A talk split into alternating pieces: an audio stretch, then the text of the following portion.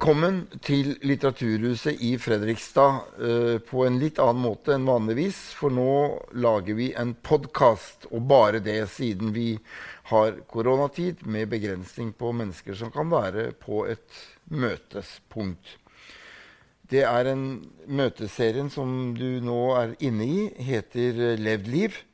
Uh, og det er biskopen i Borg, som er meg, da, Atle Sommerfelt, uh, og Borg bispedømmeråd sammen med Litteraturhuset i Fredrikstad, som har denne møteserien. I dag så skal vi inn i noe av det mest krevende et uh, menneske kan oppleve, nemlig det å miste et barn i brutal voldshendelse. Og den som skal hjelpe oss til å reflektere omkring det, er Ada Sofie Austegard, uh, som er mor til Stine Sofie, som ble drept i Baneheia. Og det er i år 20 år siden. Uh, Ada, det er 20 år siden livet ble snudd helt opp ned for deg. 19. mai og 21. mai 2000. Uh, hvordan var egentlig livet før det? Ja, du eh, Jeg hadde ja, Som barn jeg hadde en veldig sånn, lykkelig barndom. Jeg hadde far og mor og storesøster og hadde veldig godt forhold til uh, både pappa og mamma. Men uh, spesielt pappa var min store helt. Han var gruvearbeider. Jobba i ei grue der de utvant kvarts og feltsvart. Det var ikke så vanlig å ha en gruvearbeider til far. Det var ikke så mange som, var, som det var drift på på den tida. Uh, og så hadde min mor jobba i Televerket. Eh, jeg var et veldig sånn, livete og fantasifullt barn. Jeg leka mye. Jeg kan huske den dagen da var jeg nok 14-15 og jeg liksom tenkte at nå er det ikke like gøy å leke med biler i, sand, i sandkassa lenger. Så jeg leka nok mye lenger enn eh, de aller fleste barn, tror jeg. Um, så møtte jeg min mann og gifta meg og fikk to barn. Kristoffer og Stine Sofie. Og så ble vi, ble vi skilt, eh, noe som jeg syns var veldig tøft. Jeg hadde en det var en vanskelig skilsmisse, syns jeg. Uh, og så møtte jeg da min nye mann, uh, Hans Christian, og flytta til Grimstad. For jeg er egentlig fra Evje og Hårnes ja. kommune. Så jeg flytta da ti mil mot kysten og har bosatt meg her i Grimstad. Og vi fikk da ei lita datter sammen. Vi hadde jo da, eller jeg hadde jo da fra før Kristoffer på og Stine Sofie, og så hadde jeg ei fosterdatter. Ja. Så eh, vi hadde det utrolig fint, og jeg tenkte at lykken er bare til å ta og føle på. Jeg trodde aldri jeg skulle få det så bra etter jeg hadde vært alenemor og hatt det tøft i noen år. Ja. Så sånn var livet mitt før. Og jeg ja, var veldig lykkelig. Hadde et veldig fint liv. Og, da, øh, og denne helgen så skulle Stine være med, med faren i Kristiansand? Ja, Kristoffer og Stine skulle bort til pappaen sin i Kristiansand, for der bodde han. Eh, og det er jo sånn at eh, det var jo litt godt òg å kunne bare være hjemme alene med babyen. Men grunnen til at det kunne være godt, det var jo at jeg syntes det var fint å komme til pappa. Og spesielt eh, Stine var veldig ivrig, fordi at hun hadde fått seg ei kjempegod venninne i naboleiligheten som heter Lena. Ja. Så de gleda seg begge to. Ja, så dere, Var det sånn at dere, disse to familiene kjente hverandre, eller var det barna bare som kjente hverandre? Uh, fedrene kjente hverandre, men ja. jeg hadde aldri møtt noen av dem. Nei. Jeg kjente ingen. Nei. Og så fikk du en beskjed 19. mai på kvelden da, at uh, Stine var uh, savnet? Ja. Vi fikk telefon sånn i, i halv ti-tida at fra min eksmann at uh, Stine Sofie og Lena ikke var kommet hjem fra en badetur. Og min første reaksjon var jo at jeg ble veldig sint på min eksmann som hadde latt dem gå alene. Men til hans forsvar så skal det sies at uh, han, de, han, gjorde ikke noe annet enn det de gjorde i det nabolaget på den tida. For det føltes veldig trygt i Baneheia. For det var, det var jo så tett befolka. Det var alltid mye folk der. Uh, men det visste jo ikke jeg da. Men Nei. jeg ble jo veldig sint. Uh, så fikk vi tak på barnevakt, og så kjørte vi bort til Kristiansand. Og der skulle jeg jo da tilbringe de neste døgna for å vente på at jeg skulle finne Stine Sofie. Ja. Og hvordan var de døgnene der, du? Det var altså det 21. mai om kvelden fikk dere da beskjed om at de var funnet. Men de døgnene må jo ha vært helt forferdelige? Ja, det men, men, det er ikke sånn at uh, altså Hadde noen fortalt meg om åssen det skulle være, hadde, eller åssen det var, hadde noen sagt åssen jeg opplevde det, så hadde jeg tenkt at sånn, det stemmer ikke. Uh, for det var ikke sånn at jeg satt og var helt fortvila og liksom for jeg var overbevist om at eh, det var en logisk forklaring på dette. her. For det, for det første, når vi kjørte til Kristiansand, så tenkte jeg de har sikkert gått av gårde til ei venninne alene eller noe sånt. Eh, og venta bare på telefonen at nå var de funnet og alt var greit. Så jeg jo, jeg reiste jo opp til en parkeringsplass som er rett i nærheten av Baneheia, eller der du stopper for å gå inn i det friluftsområdet. Jeg hadde aldri vært der før. Men eh, på, kveld, på, fredagskvelden så reiste vi opp der, og mannen min Hans Christian var ute og leita. Kristoffer var med. Han var jo tolv. Eh, storebroren han sovna etter hvert i en politibil mens jeg satt på en stubbe i kanten av parkeringsplassen i tilfelle noen skulle finne henne, sånn at jeg var den første til å ta imot henne. Og I løpet av den natta så, så tenkte jeg at eh, de har nok gått seg vill. Eh, og så he, jeg så for meg at Stine kanskje hadde brekt foten, og så satt Lena og passa på. Så derfor eh, så er liksom den, den, historien inni hodet mitt ble på en måte litt sånn sann. Og jeg var sikker på at neste dag når det ble lyst, så skulle de finne dem. Så jeg ble veldig glad når de kjørte med varmesøkende helikopter over området, for da tenkte jeg nå vil de våkne, for det bråkte jo forferdelig. Ja. Så det var ikke før utpå lørdags formiddagen at den tanken kom, um, siden ingenting skjedde. Da. Så, jeg tenkte jeg kan, kan det være at ikke jeg vil se henne igjen. Men jeg, den tanken skjøv jeg jo bort hele tida. Jeg var sikker på at dette skulle ordne seg. Men natt til søndag så ble jeg jo mindre Da var det vanskeligere å holde på det håpet. Og utpå søndagen så begynte det å svinne hen.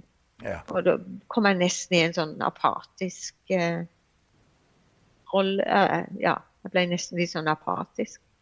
Og da, da, Det var på kvelden hvor dere da fikk beskjeden om at de var funnet drept, da? Mm. Ja. Var dere sammen hele familien da, eller hvordan var det?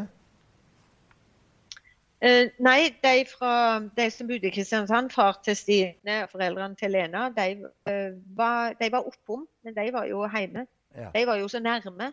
Det var jo ikke jeg. Jeg var jo ikke nærme Altså, jeg bodde jo i Grimstad, det er jo 50 km unna, og jeg kunne jo ikke sitte hjemme og vente. Og jeg ville være i Baneheia, så jeg satt der hele tida. Jeg var, var, ute da i, i, i to hvor ja. satt og venta. Satt du ute og ventet? Hæ? Satt du ute og ventet? Ja. ja. Det var satt ute. Mm. Ja.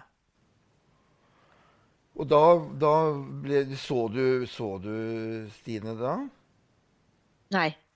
Uh, nei, det ble jo helt avsperra, det området. Og det var jo en veldig sånn vond opplevelse. for Vi fikk på en måte ikke noe informasjon om hva som skulle skje. Og jeg tenkte henne er jenta mi. Men da ble de jo eh, frakta til Oslo. Det er rettsmedisinsk. Ja.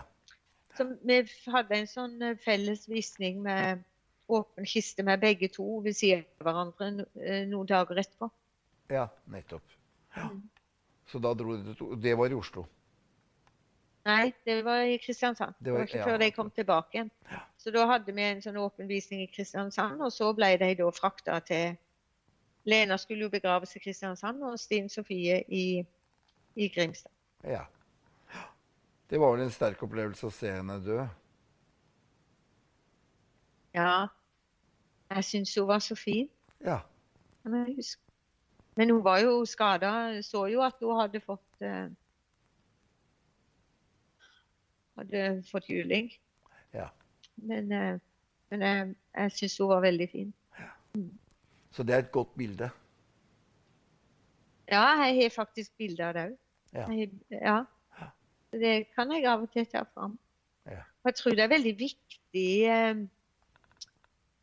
i den sorgprosessen som du skulle inn i. Det, for meg i hvert fall så var det veldig viktig å på en måte se henne og, for det er jo ikke det som er bildet mitt. Uh, bildet mitt på Stine er jo når hun er i live. Ja.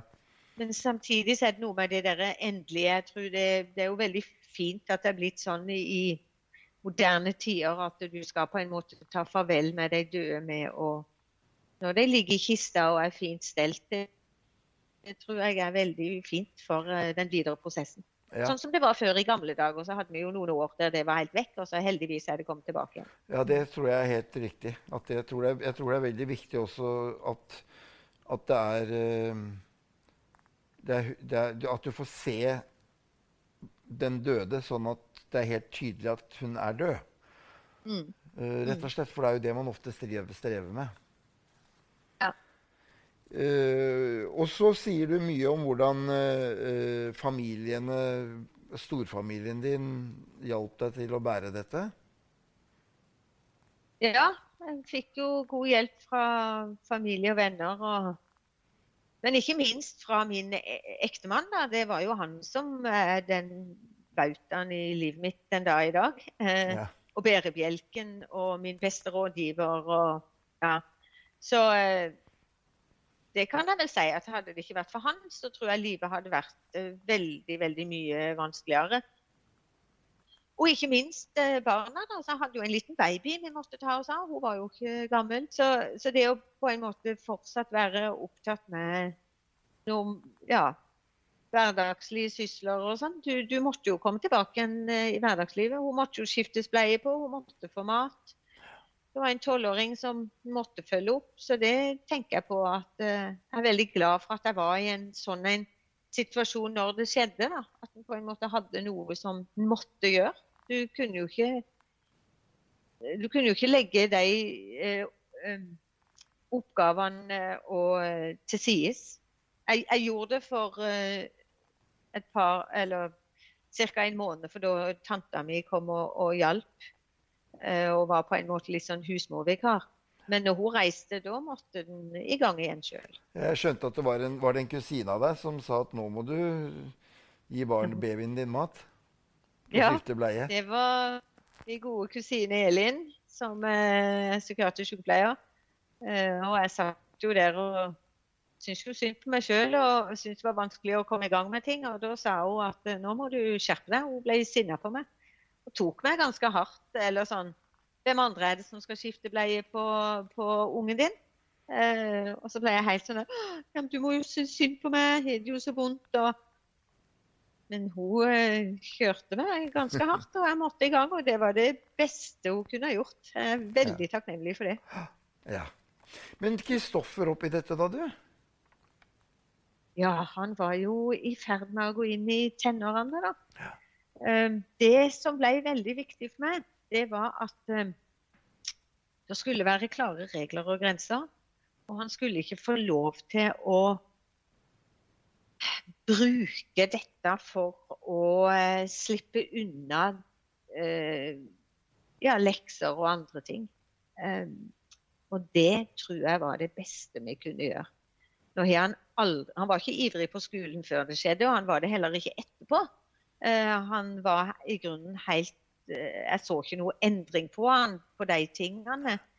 Eh, og vi var veldig opptatt av å få kameratene hjem. Jeg var og snakka med klassen før han begynte på skolen. At han ville ikke snakke om dette her. Men han, han, ville ha skolen som et fristed. Jeg ga beskjed til læreren at hvis han skulka, så skulle jeg ha beskjed umiddelbart. Han skulle ikke ha noe som helst fordeler. Og vi skulle tilbake til hverdagslivet så fort som overhodet mulig. Um, men det var jo um,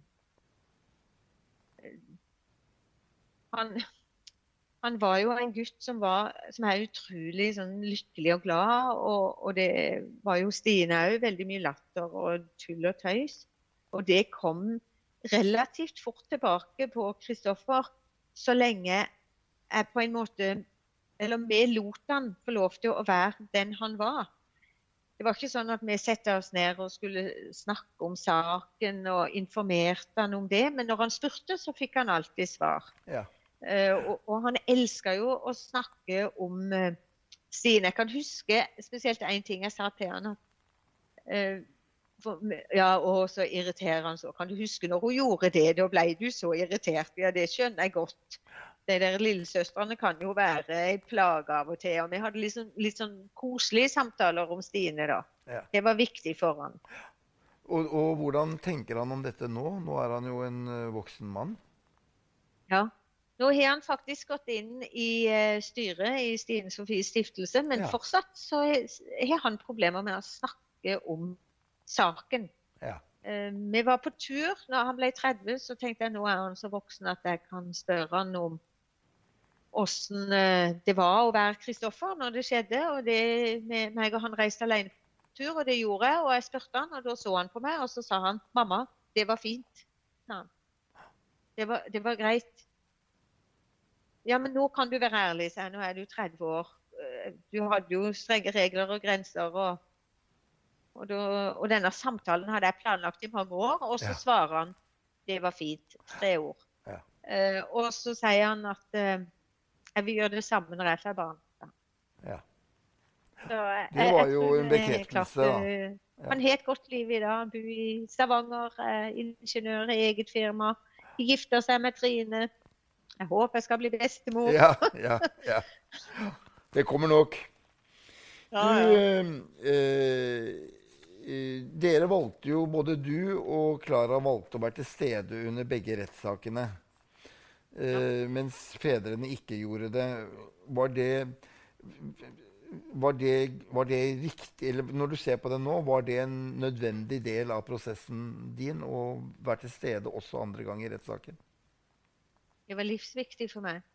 Og det samme sier Klara at det var mammaen til Lena. Eh, fedrene klarte ikke det. De syntes det ble for vanskelig, og det har jeg full respekt for. Men eh, nå skal ikke jeg snakke ut ifra henne, men jeg tror meg og hun er ganske like. Eh, og for, for, meg så var det viktig, og det har hun òg sagt at det var. Og det er jo klart at det var ganske tøft. Nå. Det, det er jo veldig detaljert, og, og, det er mye å ta inn over seg. Men på meg da, så, så ble det litt sånn um, Ja, hva kan jeg si? Det var så smertefullt. Samtidig så var det litt godt å kjenne på den smerten, for da tenkte jeg at Stine hun hadde det jo så mye verre. Ja. Så det var vel litt sånn selvpining som gjorde godt, tror jeg. Ja. ja, det virker jo som du har hatt en veldig sånn vilje til å ikke feie noe, verken følelser eller virkelighet, under et teppe, men å face det hele tiden. Ja, for meg så var det riktig. Hvis det var en sang som gjorde vondt å høre på, så hørte jeg på den gjentatte ganger helt til jeg sang med. Ja. Uh, så det, det, er min måte å gjøre det på. Det er andre som unngår det, og det har jeg full forståelse for. Men for meg så var det viktig å gå inn i det. Ja. Og det, um, det, Der møtte du jo også drapsmennene, da? Ja, gjorde det. Jeg satt Var ikke mange meterne ifra. Nei. Det var veldig spesielt. De kjente, de, de kjente jo ikke deg, men kjente de Klara? Uh, Nei. Nei. Nei. Og da, men det var, det snakket du med dem? Nei. Verken meg eller Klara gjorde det. Nei. Men vi fikk, vi fikk noen stygge blikk. Ja. Av og til så kan blikk si mer enn tusen ord, er det ikke sånn? Jo, absolutt. Og det var en, eh, en eh, rar opplevelse, ja. Å få blikk. Du fikk ikke noe uttrykk for noen anger? Nei.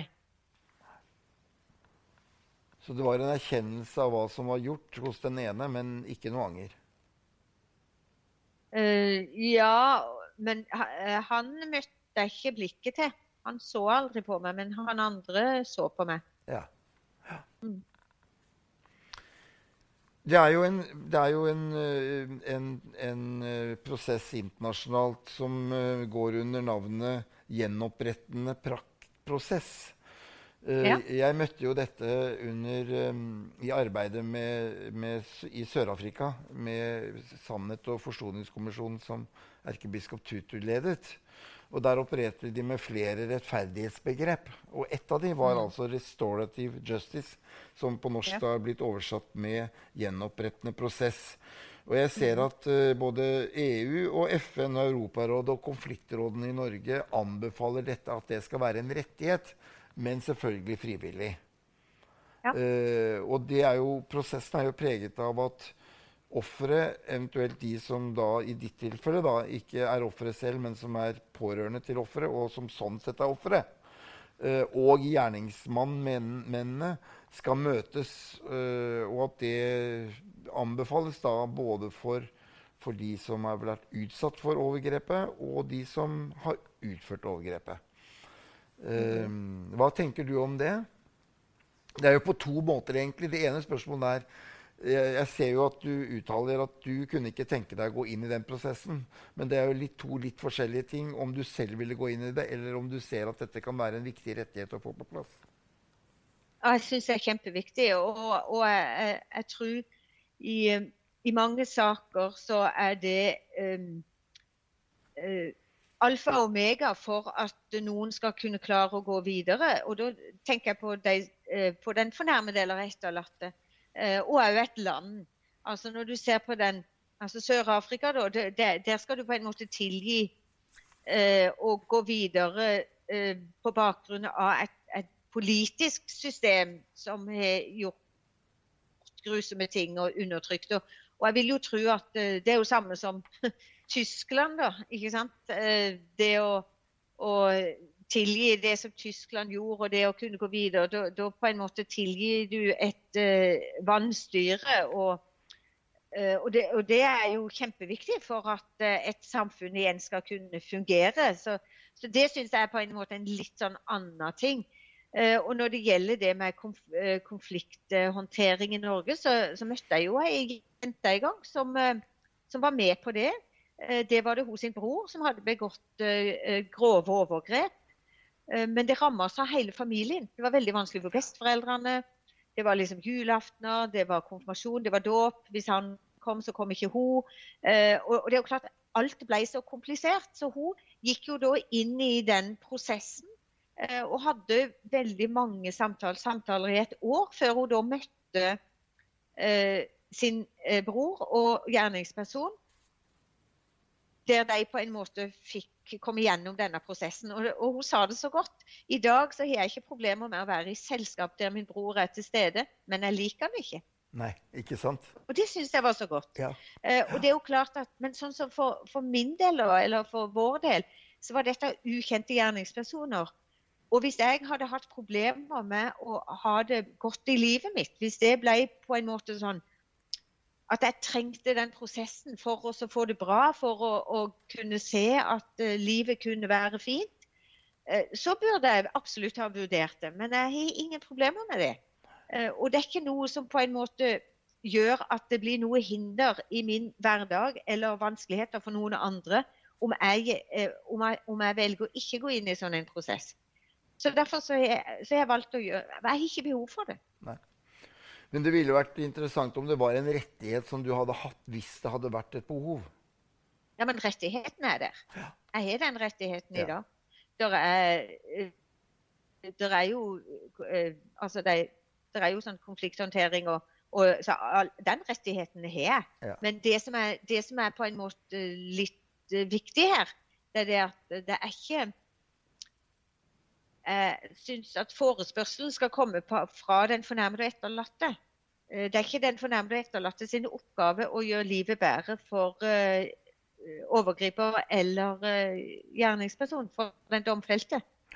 For det må ikke snus. Det må ikke være sånn at du føler at som et voldtektsoffer eller som foreldre til et drept barn, at du føler at du må gå inn i den prosessen Eh, for at du skal da vise for hele verden at du er et godt menneske for at den domfelte skal få et godt liv.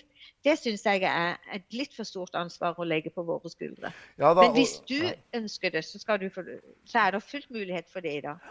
Det, det, er jo det som er uh, altså, Det er jo det som gjør at dette er veldig sånn, en veldig krevende uh, samtalepunkt, egentlig. Altså ikke mellom oss nå, men, men i, uh, i, offentligheten. Fordi at veldig. det blir jo det, Vi vet jo at særlig i, i hvor man lever relasjoner med vold og overgrep, så er det jo veldig ofte den, den som er utsatt for overgrepet, som påtar seg skylden. Ikke sant? Mm. Uh, ja, det er jo en grunn til at han slår meg. Uh, jeg har vært dum, jeg har gjort feil, og jeg blir jo fortalt hele tiden at det er derfor jeg må slås. Og da blir det jo veldig krevende hvis det stilles et, et så å si et moralsk ansvar for den personen å, å ta ansvaret. Det er jo bare en forsterking, ikke sant. Så jeg og så er det én ting som er viktig å huske på. det er at Hvis en person er domfelt for vold eller overgrep eller drap, så er det, sjel, så er det svært sjelden de forteller hele sannheten. Og det er svært sjelden at de blir dømt for alle forhold. Du blir jo kun dømt Ta f.eks. i seksuelle overgrepssaker. da, Så blir du kanskje dømt for tre overgrep, og så har det kanskje vært 300. Ja.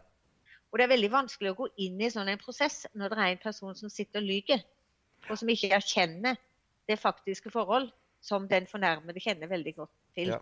Så, så, så den som er blitt dømt for å ha helseslått eh, partneren sin eller ektefellen sin, innrømmer sjelden alt som har skjedd. Ja.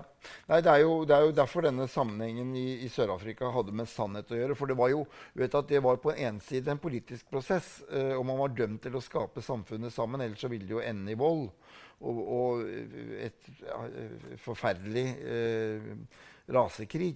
Men på den annen side så var det jo alltid individer i dette som var utsatt for tortur og overgrep. Så det, jo, så det, er jo der på en måte forbindelsen ligger. da. Men eh, jeg tror at eh, det er veldig det er liksom en helt grunnleggende for å gå inn i denne samtalen om tilgivelse, er jo at ingen kan pålegges noen å tilgi andre. Og det er heller ikke et krav. Nei, og jeg ønsker jo Jeg, jeg har jo snakka med mange om det med tilgivelse. og tilgivelse for meg, det handler jo om hvordan definerer du tilgivelse? Hva er din definisjon på det? Og min definisjon, eh, for det måtte jeg jo ha en runde på. Min definisjon for tilgivelse det er jo at jeg skal ta en person i hånda og si vet du hva, jeg tilgir deg, og du må gjerne være min venn. Og det kommer jeg aldri til å gjøre med de to som eh, med viten og vilje og ondskap voldtok og drap eh, min datter. Men det betyr ikke at jeg hater jeg ønsker dem ikke død, men jeg ønsker ikke at de skal være i livet mitt. Nei. og det er en vesentlig forskjell. Uh, om de får et godt liv, eller om de får et dårlig liv, det kjenner jeg, det bryr jeg meg egentlig ingenting om. Uh, og det er så godt å kjenne. For jeg går ikke rundt og tenker på det. Men, men, det å tvinge til tilgivelse, da tror jeg det aller viktigste det er da kom med den klare definisjonen på hva tilgivelse er. Og det er noen som har sagt til meg at de tilgir med hjertet sitt, og det er flott.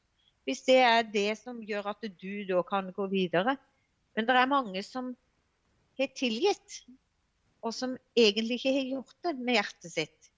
Og de sliter så, for de føler seg som så dårlige mennesker. Jeg har snakka med flere som har sagt at ja, men jeg har sagt til vedkommende òg at jeg tilgir, men jeg gjør det ikke. Jeg klarer ikke å tilgi. Og da sier jeg, vet du hva, du kan få et godt liv, du uten at du tilgir.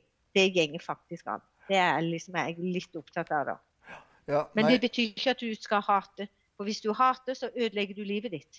Ja, det er vel det. Jeg tror det også det er, jeg tror det er mye det som er konteksten for mye av dette. Uh, mm. Fordi at uh, det må være Man må ha en samtalepartner som hjelper en til å skjelne mellom det å legge noe bak seg. Ja. Ikke sant? ikke hendelsen, men da i dette tilfellet den som har begått overgrepet.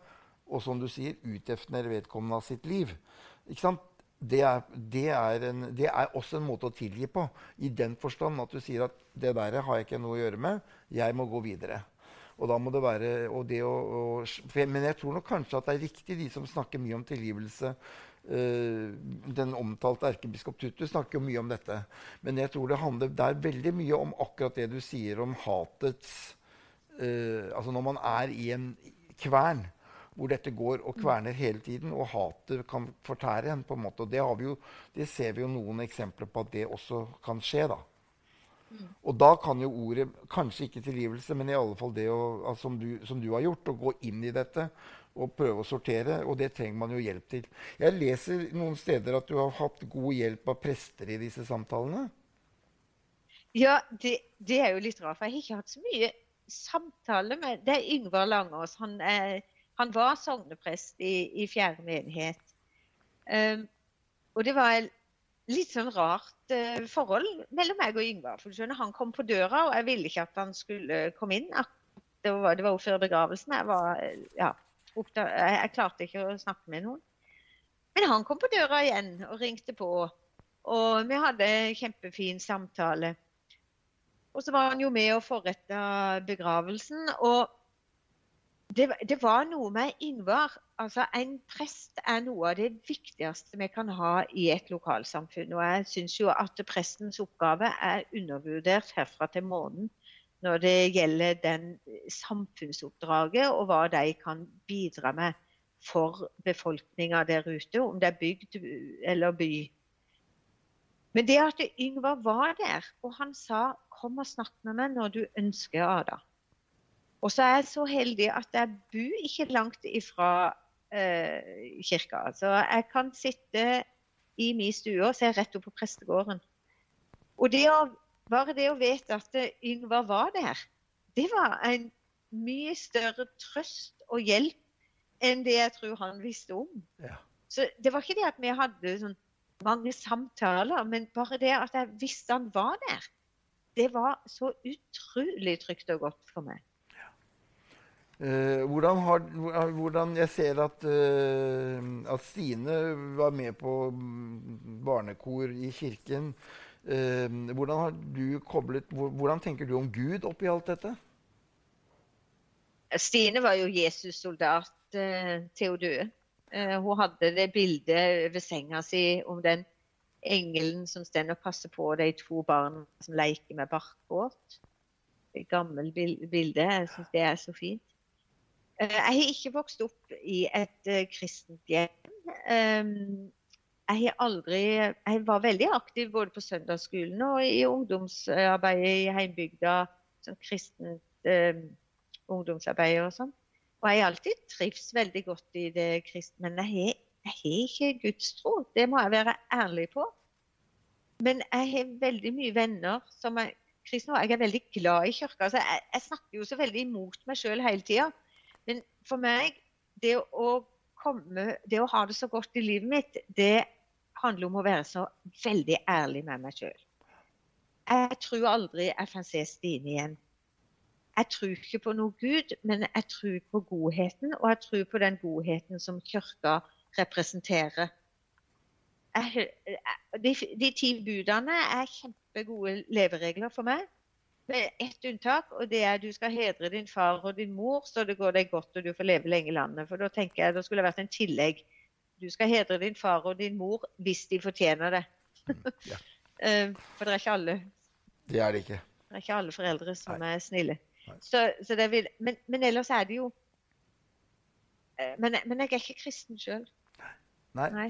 Men, er, Men jeg, er vel eh, mer i, jeg kirka enn mange som sier de er kristne, for å si det sånn. Ja, Og det, det opplever du som et, sted, et, godt sted å være? Ja, veldig. Ja. Du, så skjer det jo noen Nå går tiden vår fort her. Eh, men ja. Eh, du, du får jo egentlig vel Du finner jo fram til en måte å leve etter drapene og etter tapet på ved at du da etablerer uh, Stine Sofie-stiftelsen høsten 2000. Uh, eh, det var jo veldig tidlig etter drapene, da. Så du hadde ja. overskudd til det, egentlig? Jeg har alltid hatt et engasjement eh, for spesielt incest. Jeg var veldig opptatt av det og syntes at det var forferdelig at noen kunne utsette barna sine for noe sånt. Og så fikk jeg ei ungdomsvenninne som, som var utsatt for overgrep av sin far.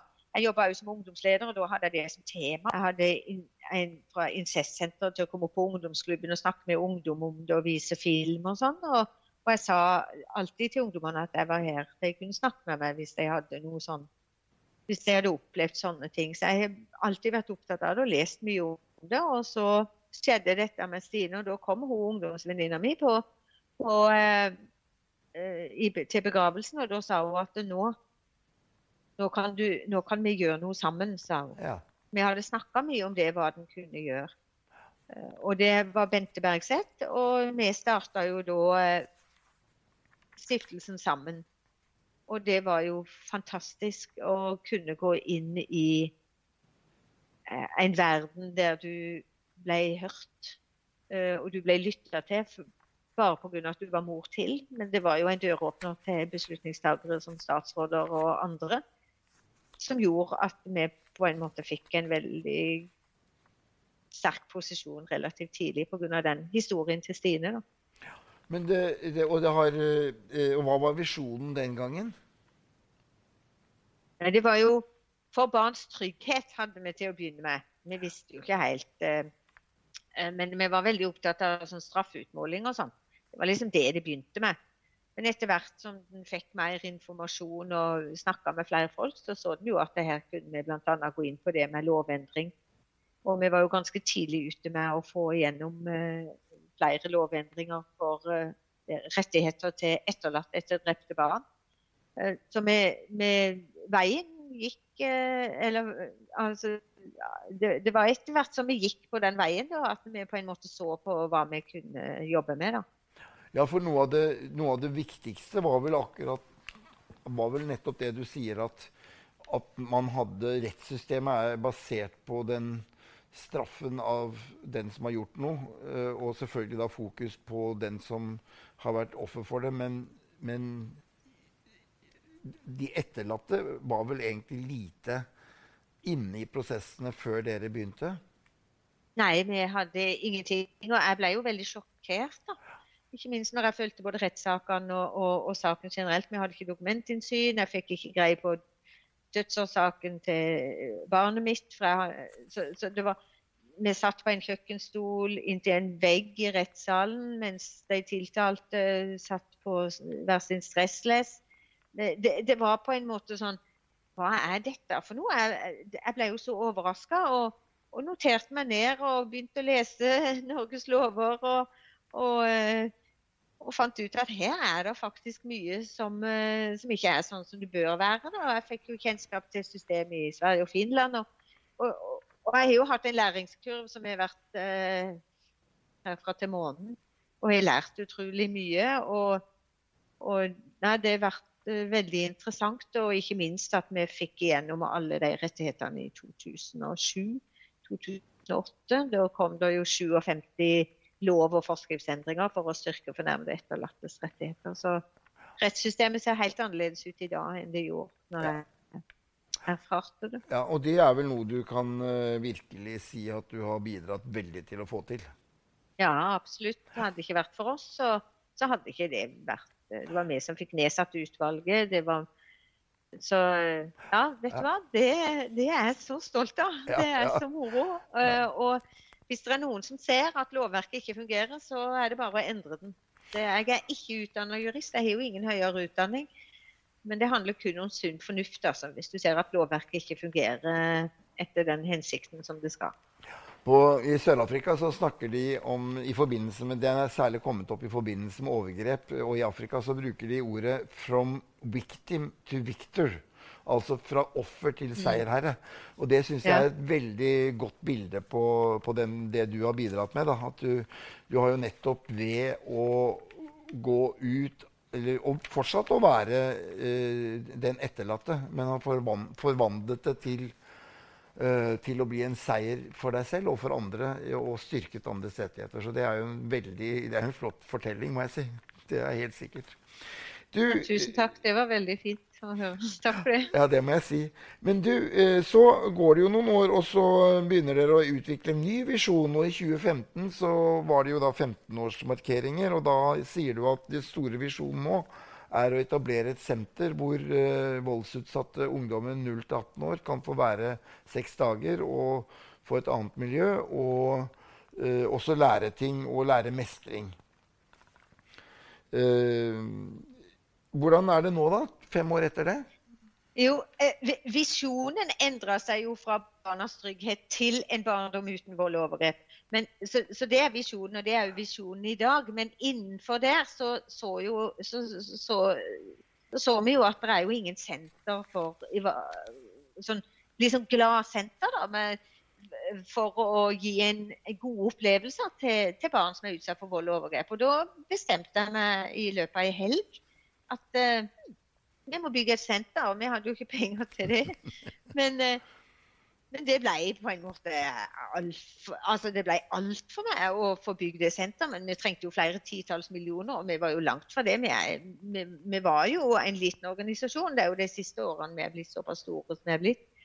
Men det ble det på en måte en sånn Altså, jeg, jeg, kunne ikke, jeg kunne ikke la det ligge. Det ble så viktig. Og vi var seks ansatte da, og de andre de sa du er gal. Så sa jeg ja. Det er. Så I dag har vi jo et senter til flere titalls millioner, der vi tar imot over 500 voldsutsatte barn hvert år, pluss søsken og de sine trygge omsorgsforeldre. Det være seg biologiske eller fosterforeldre. Eller, ja. Og det å tenke på når jeg, jeg har jo kontor her òg, vi har jo et stort kontorbygg. og det er jo klart Når jeg går over plassen her og liksom Hei, god morgen, sier til noen av de ungene som er her, så tenker jeg Tenk hvis Stine og Lena hadde overlevd. Tenk hvis de kunne hatt en sånn en plass å komme på, der du på en måte ikke blir sett på som annerledes. Og så møter du barn, andre barn som har opplevd lignende ting. Det, det hadde jo vært kjempeviktig. Og så er det, her er det mye leik og latter og moro. Det er et lavterskeltilbud. Det er sånn at Hvis du har vært vitne til vold eh, som barn, hvis du er foreldre som, som har utøvd vold mot hverandre. Det kan få veldig store konsekvenser for et barns liv. Hvis du selv er blitt utsatt for fysisk vold eller seksualisert vold, du, eller nettbasert vold eh, og overgrep, så kan du komme her og være sammen med dine trygge i, i seks dager.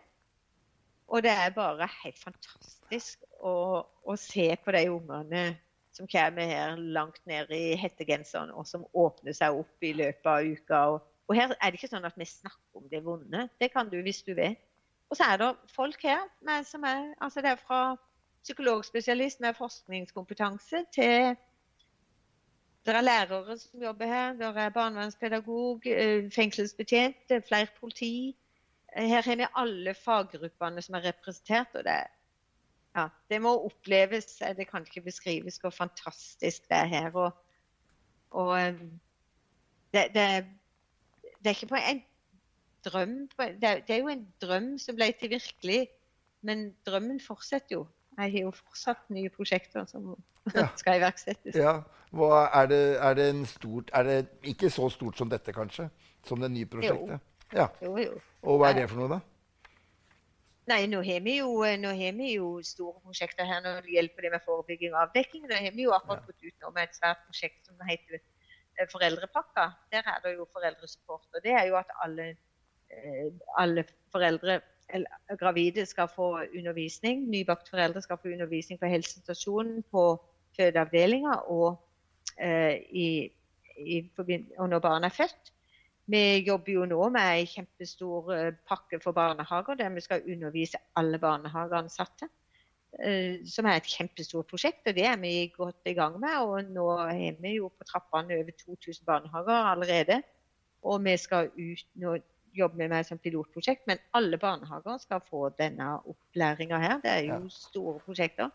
Og så jobber vi med noe som heter Hverdagspakka, der vi skal være eh, og ivareta de barna som har vært på senteret her, når de kommer hjem over lang tid. Og så har vi inngått et stort forskningsprosjektsamarbeid med, med Folkehelseinstituttet, der vi skal følge voldsutsatte barn eh, fram til de dør, faktisk. Eh, for ja. å, å, finne ut av hva, hva kan vi gjøre for at de skal få det bedre. Så, og så kommer vi nok til å utvide senterdriften. for vi, eh, Nå er det jo blitt en del pågang, nå er det jo ikke det under koronaen.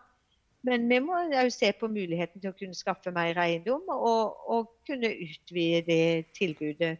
Spesielt ja. til de som kommer på reopphold. Så har dere lange ventelister? Veldig mye å gjøre. Har dere ventelister?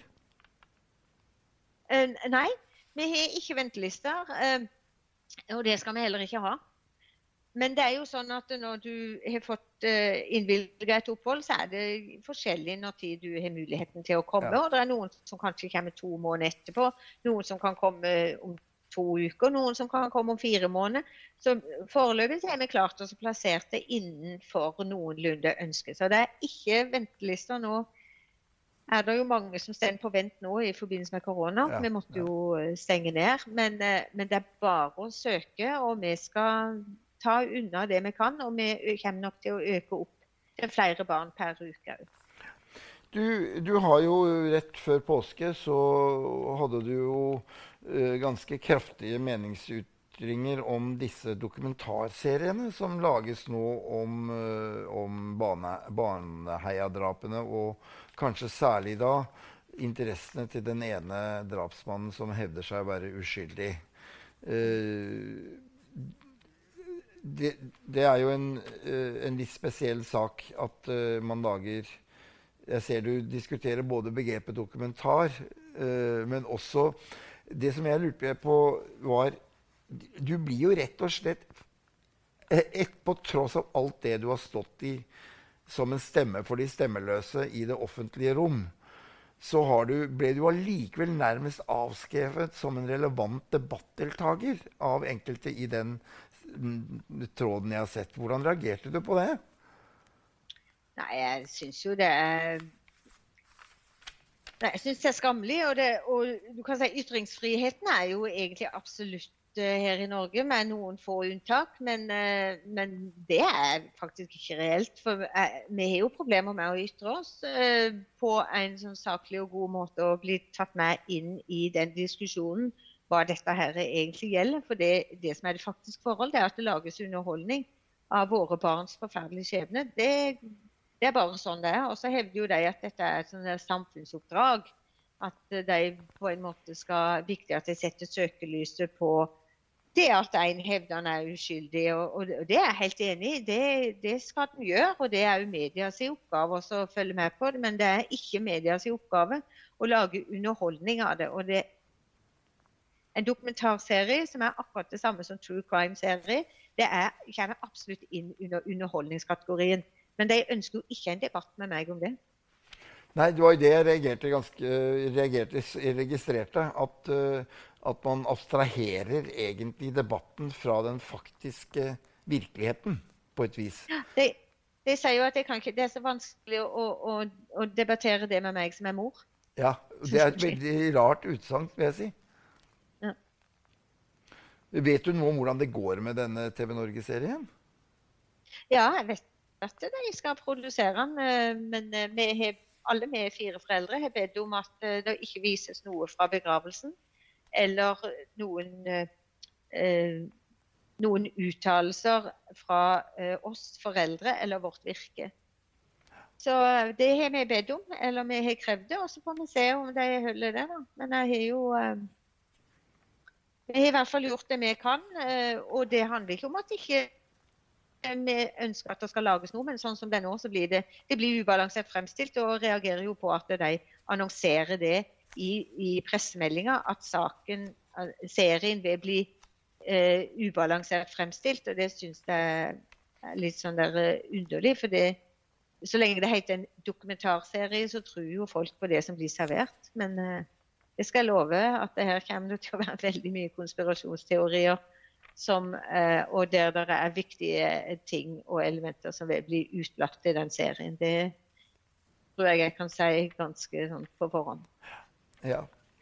Er, vi nærmer oss absolutt slutten. Det har vært fint å snakke med deg. Og det er jo flott at du har maktet å være denne stemmen for de stemmeløse. Uh, nemlig ofrene her, som jo da uh, veldig ofte ikke har, Hvis de er døde, så har de jo ingen stemme. Men også de som lever i vold har jo også veldig krevende for å komme til ordet på mange måter. Og Derfor så tenker jeg den tjenesten du gjør, er uh, utrolig viktig i det norske samfunn. At det er en stemme for de som mangler en stemme. Det er jo for uh, Vi lever jo nå i tiden etter påske. og da har vi jo fokusert veldig på hvordan Gud da går inn i det absolutte mørket og den absolutte lidelsen og identifiserer seg med det. Uh, og samtidig hvordan Gud kjemper mot ondskap og alt det som skjer. Uh, og så er det jo påskens store budskap at det er faktisk sånn at det er gjenopprettelse og nytt liv og mulighet for det. Og da, da ligger det jo et, et, håp og en trøst i det for de som har tillit til at dette er sant. men i alle høve så ligger det jo denne utfordringen til å være håpets bærere for andre. Og det tenker jeg du har en stor uh, Du er et stort menneske som er håpsbærer for så mange, og at du har vendt da uh, den grusomme hendelsen. Uh, den står der. Men du har klart å skape, å skape et, et, rom og en mulighet for at andre kan slippe å komme i samme situasjon. Og det tenker jeg du skal leve med med god velsignelse. Uh, og alt godt uh, for livet og virket ditt fremover. Takk skal du ha. Tusen takk. Det var veldig hyggelig å være med.